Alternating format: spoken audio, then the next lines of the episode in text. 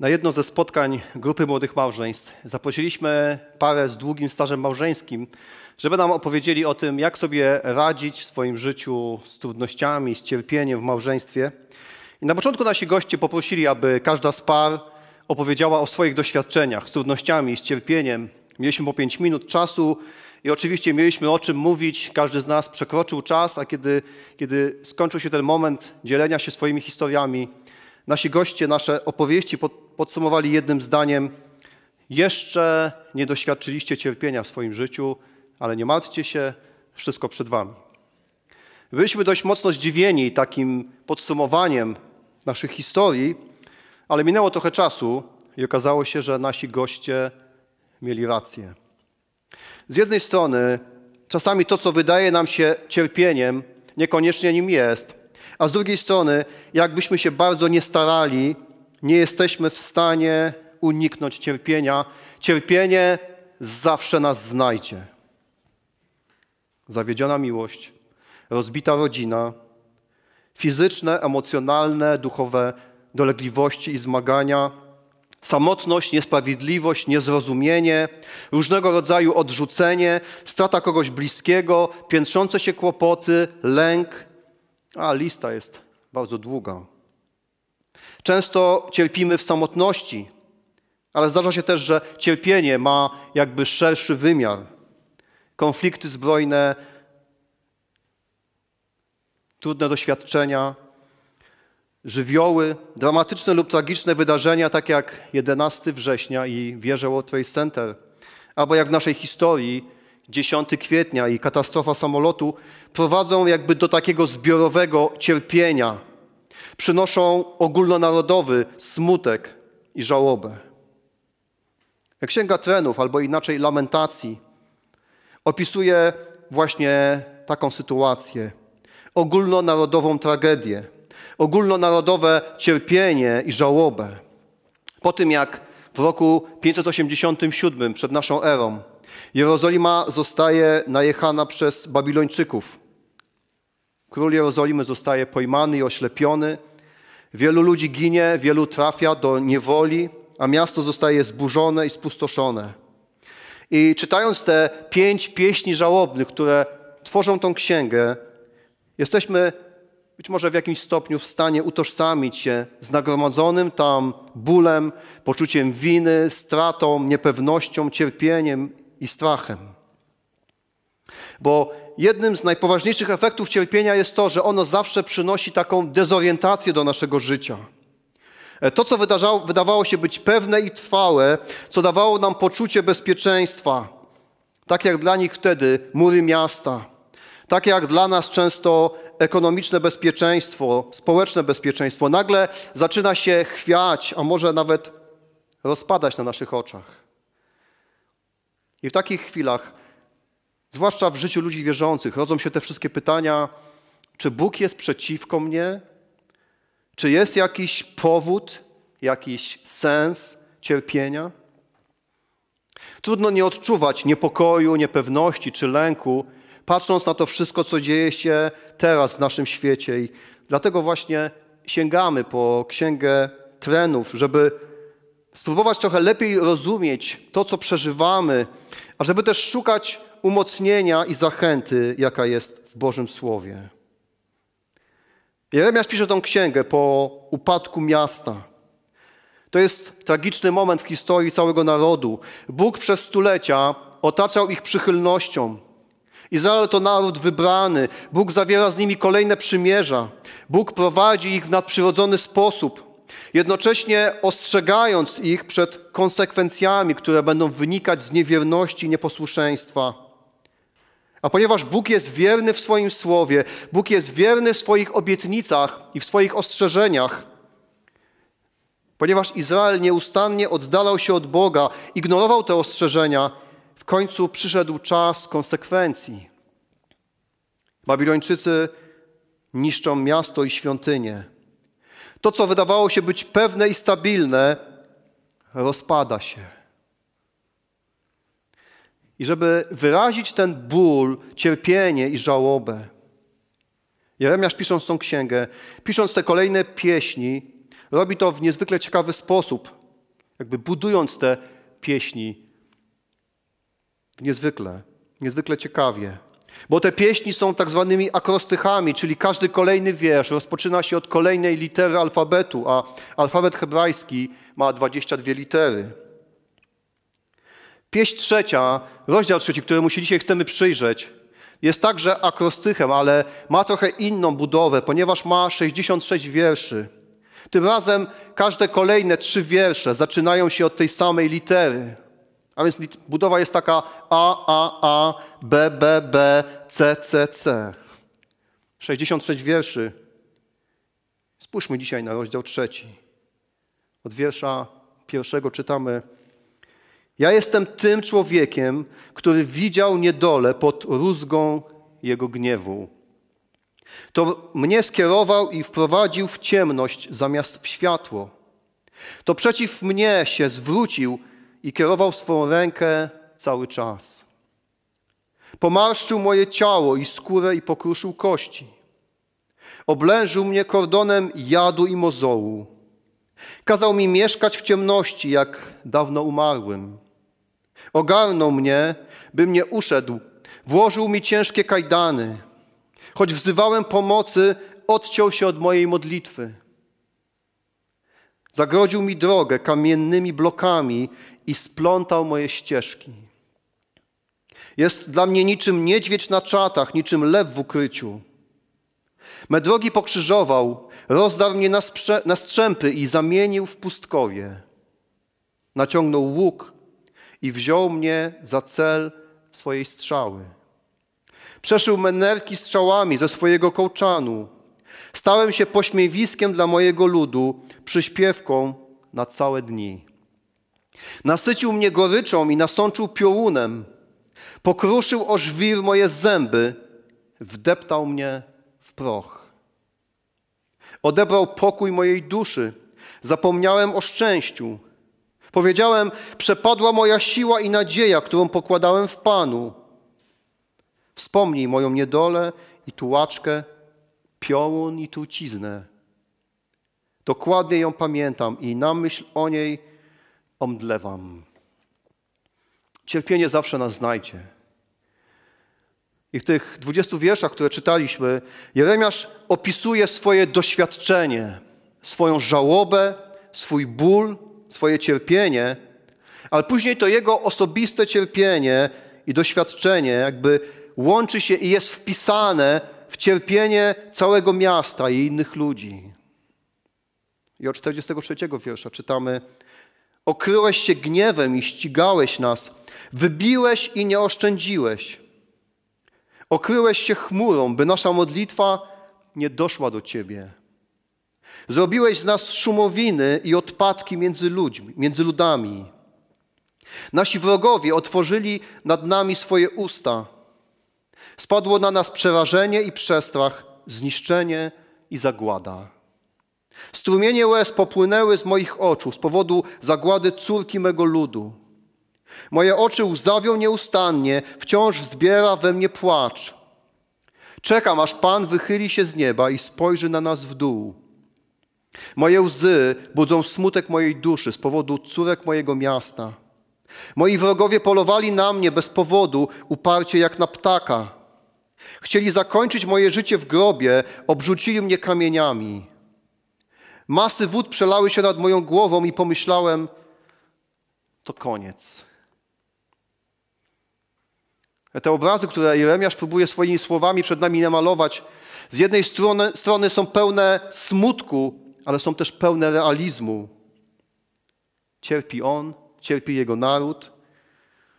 A przecież dobrze wiemy, że nikt nie lubi i nie szuka cierpienia. I my też, chociaż tak bardzo tego nie chcemy, i chociaż jako uczniowie Chrystusa jesteśmy częścią Bożego Królestwa, to ciągle żyjemy w upadłym świecie. I właśnie dlatego ludzie należący do Boga doświadczają trudnych okoliczności. Jeremiasz, tak jak cały naród, doświadcza Bożego gniewu i jest niezwykle szczery w tym, co przeżywa to nagromadzenie bólu i cierpienia jest tak wielkie, że Jeremiasz dochodzi do takiego miejsca, do takiego momentu, że myśli, to już chyba koniec. Wszystko przepadło. I może dzisiaj jesteś w podobnym miejscu. Czujesz, że tego wszystkiego, co jest wokół, tego wszystkiego, co jest trudne, bolesne i złe, jest tak dużo, że masz wrażenie, że to już koniec. Żadnej nadziei, żadnego światełka w tunelu, znikąd pomocy. I może jest tak, że czujesz się, jakbyś był jedyny, jedyna, która tego doświadcza. I o tym właśnie pisze Jeremiasz. On też odczuwa, jakby był kompletnie sam. Co gorsze, ma wrażenie, jakby Bóg był przeciwko niemu. Jeremiasz mówi o tym, że został wrzucony do grobu. Prawdopodobnie chodzi o takie najniższe, najgorsze miejsce w więzieniu, w jakim się znalazł. On doświadcza fizycznego głodu i przemocy i jest tak emocjonalnie zdruzgotany, że jest bliski depresji. Bóg dotknął Izraela konsekwencjami ich niewierności. Bóg wylał swój gniew i, i Jeremiasz patrzy na to i to go przygnębia. I pisze, okryłeś się chmurą, by nasza modlitwa nie doszła do Ciebie. Ten obraz chmury, obłoku był niezwykle ważny dla, dla Izraelitów, bo kiedy wychodzili z Egiptu, kiedy otrzymywali wolność, kiedy szli do ziemi obiecanej, obłok, chmura był symbolem Bożej obecności i przychylności. A teraz ta chmura sprawia, jakby Bóg się chował przed nimi, jakby nie można go było znaleźć, a naród przestaje być wolny, ale zaczyna się czas niewoli babilońskiej. Jeremiasz widzi, że nikt inny, tylko sam Bóg jest w stanie ich uratować.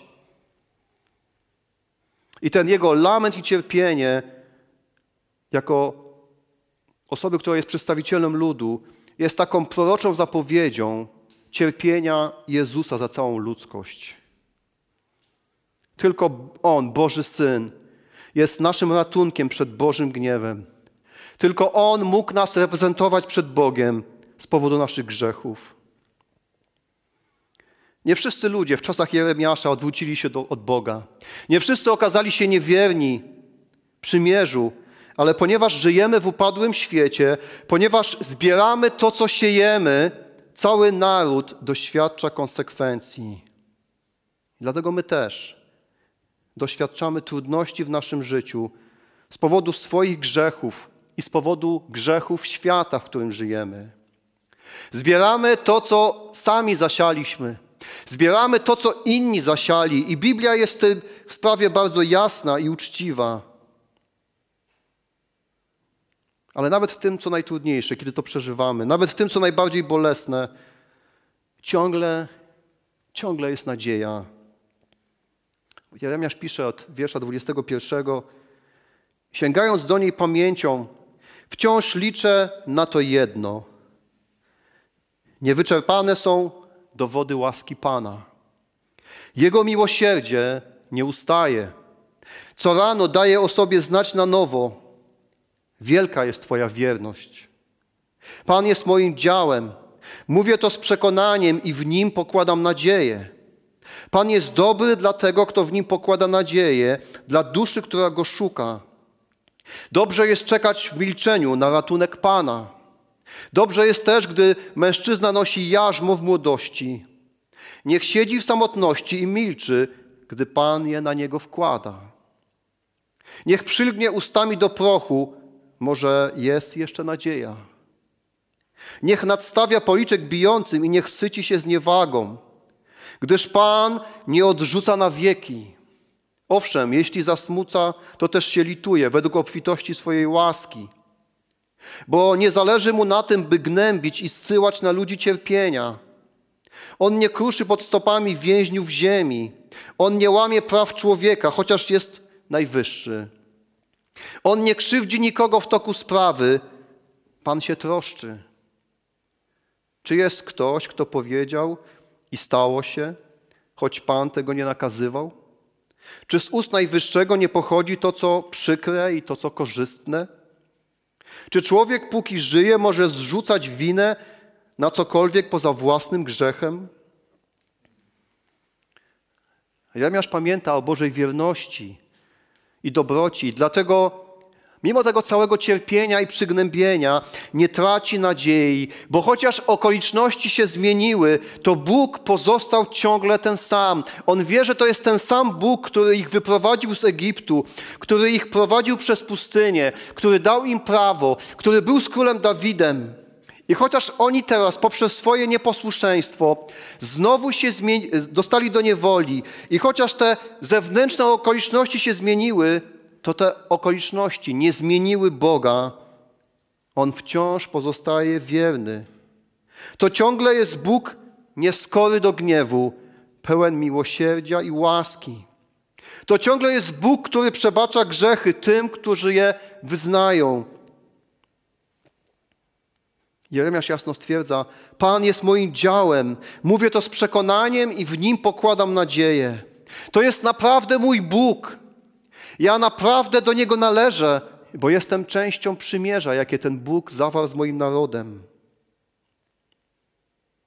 I pośrodku tego całego cierpienia, tej żałoby, Jeremiasz stwierdza: Pan jest dobry dla tego, kto w nim pokłada nadzieję, dla duszy, która go szuka. Dobrze jest czekać na, w milczeniu na ratunek Pana. Dobrze jest też, gdy mężczyzna nosi jarzmo w młodości. Nawet kiedy jest źle wokół, nawet kiedy świat wydaje się walić na naszych oczach, dobrze jest pokładać nadzieję w Bogu. I dobrze jest czekać na Jego rozwiązanie i na Jego ratunek. Jeremiasz ciągle pokłada nadzieję w Bogu, ponieważ wie, jaki Bóg jest. On wie, że Bóg jest kochający, gdyż Pan nie odrzuca na wieki. Owszem, jeśli zasmuca, to też się lituje, według obfitości swej łaski, bo nie zależy mu na tym, by gnębić i zsyłać na ludzi cierpienia. Wielu z nas, słysząc, że Bóg jest kochający, zakłada, że to oznacza, że nic złego, nic trudnego nie powinno nas spotkać, że zadaniem kochającego Boga jest nieustannie usuwać przeszkody z naszego życia. I często my tak jednowymiarowo postrzegamy Boga, ale Jeremiasz dobrze wie, że miłość Boża nie oznacza odsunięcia konsekwencji grzechu czy też złych wyborów. Jeremiasz dobrze wie, że kiedy Bóg dopuszcza do konsekwencji, to nie robi tego z satysfakcją, nie robi tego bez wrażliwości, ale robi to, bo, bo Jego charakter, bo Jego świętość, bo Jego sprawiedliwość tego wymagają. I widać, że ten obraz Boga, jaki, jaki ma Jeremiasz, jest wielowymiarowym. Jeremiasz wie, że Bóg jest sprawiedliwy. On nie kruszy pod stopami więźniów ziemi. On nie łamie praw człowieka, chociaż jest najwyższy. On nie krzywdzi nikogo w toku sprawy. Pan się troszczy. Jego działanie, nawet w wsyłanych konsekwencjach, jest doskonale sprawiedliwe. Nie ma w tym żadnej stronniczości, nie ma pomyłek, nie ma zaniedbań, nie ma nadużyć. Jeremiasz też wie, że Bóg jest wszechmocny. Czy jest ktoś, kto powiedział i stało się, choć Pan tego nie nakazał? Czy z ust Najwyższego nie pochodzi to, co przykre i to, co korzystne? Czy człowiek, póki żyje, może zrzucać winę na cokolwiek poza własnym grzechem?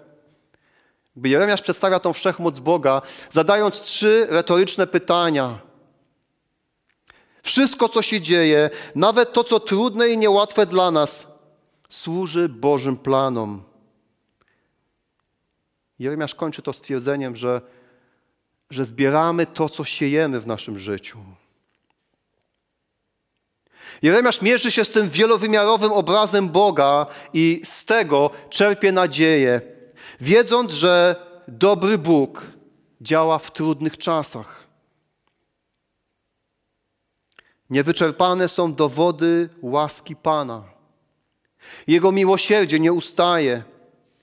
Co rano daje o sobie znać na nowo.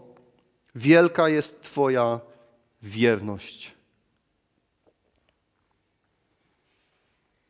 Czy znasz jakąkolwiek inną miłość, która dałaby się porównać z tą Bożą miłością, z tą Bożą troską, z tą Bożą wiernością, o której pisze Jeremiasz?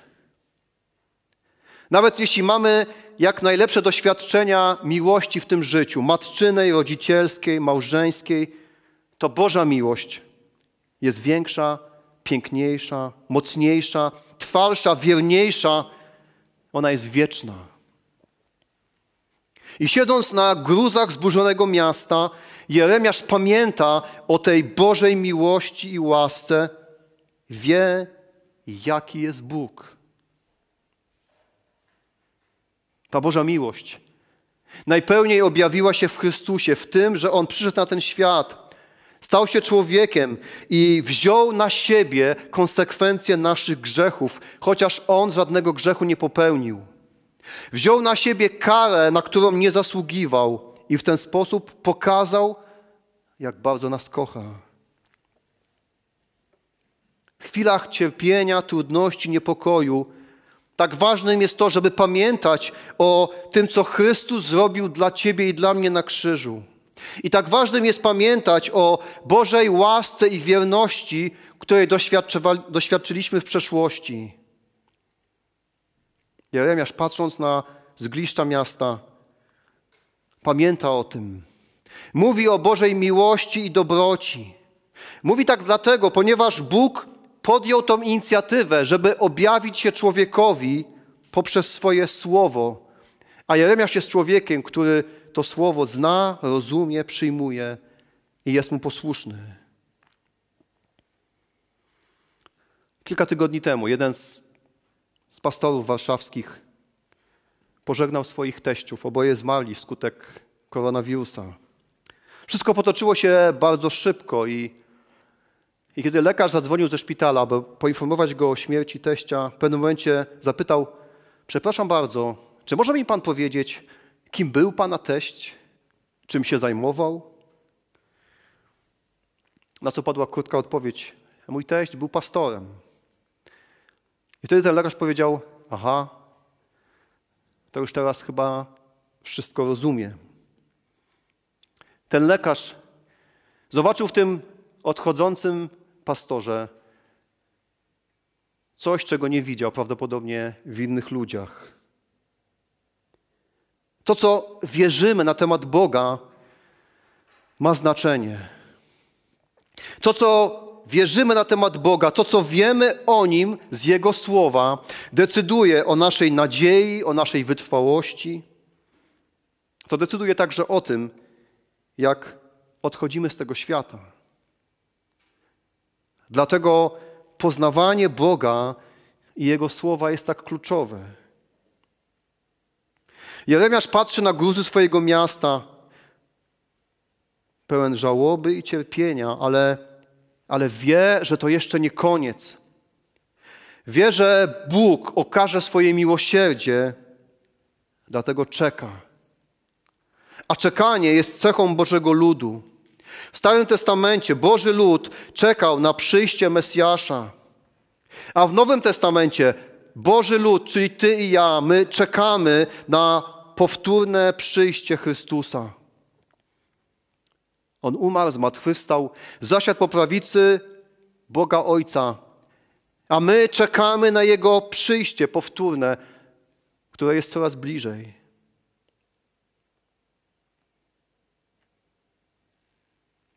Jeremiasz patrzy na zniszczone miasto i czeka na Boga, chociaż ma tak wiele powodów, żeby poddać się rozpaczy, depresji, zniechęceniu.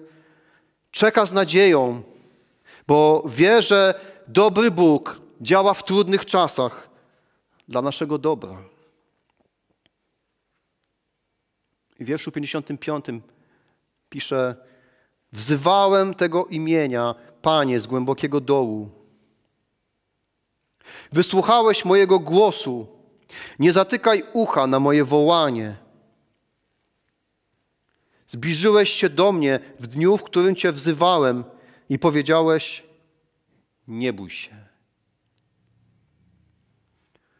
A czym innym jest czytać o tym, że Bóg mówi: Nie bój się, ale czym innym jest usłyszeć te słowa w osobisty sposób, spotykając się z Bogiem. I ta modlitwa Jeremiasza, która kończy ten rozdział, przepełniona jest wdzięcznością, że Bóg wysłuchał tej modlitwy. Pełna jest pewności też i wiary w Bożą wierność i sprawiedliwość, w to, że Bóg osądzi to, co się stało, że Bóg nie stracił nad tym wszystkim kontroli i to całe zło zostanie osądzone, bo Bóg jest suwerenny i wszechmocny. I nawet w najtrudniejszych okolicznościach realizuje swój plan. I to, do czego Jeremiasz był przekonany, że Bóg osądzi czyny Babilonu, za jakiś czas stało się. Jeden z tych, który po zburzeniu miasta zostaje zabrany do niewoli babilońskiej, ma na imię Daniel, staje się ważnym urzędnikiem w Babilonie i to on zapowiada upadek potęgi Babilonu. I przychodzi czas, że Babilon wkrótce upada. Bóg nie przestaje być suwerenny i realizuje swój plan. I to całe bolesne doświadczenie konsekwencji tej swojej niewierności sprawia, że Izraelici zaczynają się duchowo budzić. Ich serca stają się znowu wrażliwe na Boga, zaczynają dostrzegać Jego działanie, zaczynają rozumieć, że jest szansa na przebaczenie, ale potrzeba wyznać swój grzech i odwrócić się od Niego. I powoli następuje jakby zmiana całej postawy narodu wobec Boga. Powoli dochodzi do odbudowania zniszczonej i zaniedbanej więzi z Nim. Dobry Bóg działa w trudnych czasach dla naszego dobra. I może jest tak, że czasami powodem i sensem cierpienia jest to, żeby nasze serca stały się wrażliwsze i skierowały się w stronę Boga. Może jest tak, że czasami tym dobrem pomimo trudności jest wzrastające w nas pragnienie, żeby się więcej i goręcej modlić i żeby naprawdę szukać Boga w naszym życiu. Może tym dobrem jest rosnąca w nas świadomość, że ten świat nie jest naszym domem. I może rośnie w nas tęsknota za wiecznym domem. I to zaczyna zmieniać, jak żyjemy tu i teraz. Może tym dobrem jest nasza gorliwość i to przynaglenie, żeby opowiadać Ewangelię, bo w końcu dociera do nas, że Jezus jest jedyną nadzieją, aby człowiek był wolny od tych nieuchronnych i wiecznych konsekwencji grzechu. Może tym dobrem jest to, że cierpienie kształtuje naszą wytrwałość. Poprzez to nasz charakter się zmienia i dzięki temu możemy żyć nadzieją. Cierpienie zawsze nas znajdzie. Widzimy to na kartach Biblii, widzimy to w naszym życiu. Pytanie tylko, co ono przyniesie w moim i Twoim życiu. W wierszu 40 i kolejnych Jeremiasz pisze: Przejrzyjmy dokładnie nasze drogi i nawróćmy się do Pana. Podnieśmy nasze serca i dłonie ku Bogu na niebie. My wykroczyliśmy i zbuntowaliśmy się, Ty zaś nie przebaczyłeś. A Jeremiasz odkrywa to, że cierpienie i trudności to zawsze jest wezwanie, by przyjrzeć się swojemu życiu, by nie polegać na własnej sprawiedliwości, na własnej sile i mądrości, ale by zwrócić się do Boga i by przyjść do Niego z wyznaniem swojego grzechu. Z wyznaniem tego, z czym sobie nie radzimy, z tym, co nas przerasta i niepokoi. I do tego Jeremiasz chce prowadzić swój naród, by mogli każdego dnia doświadczać łaski Boga.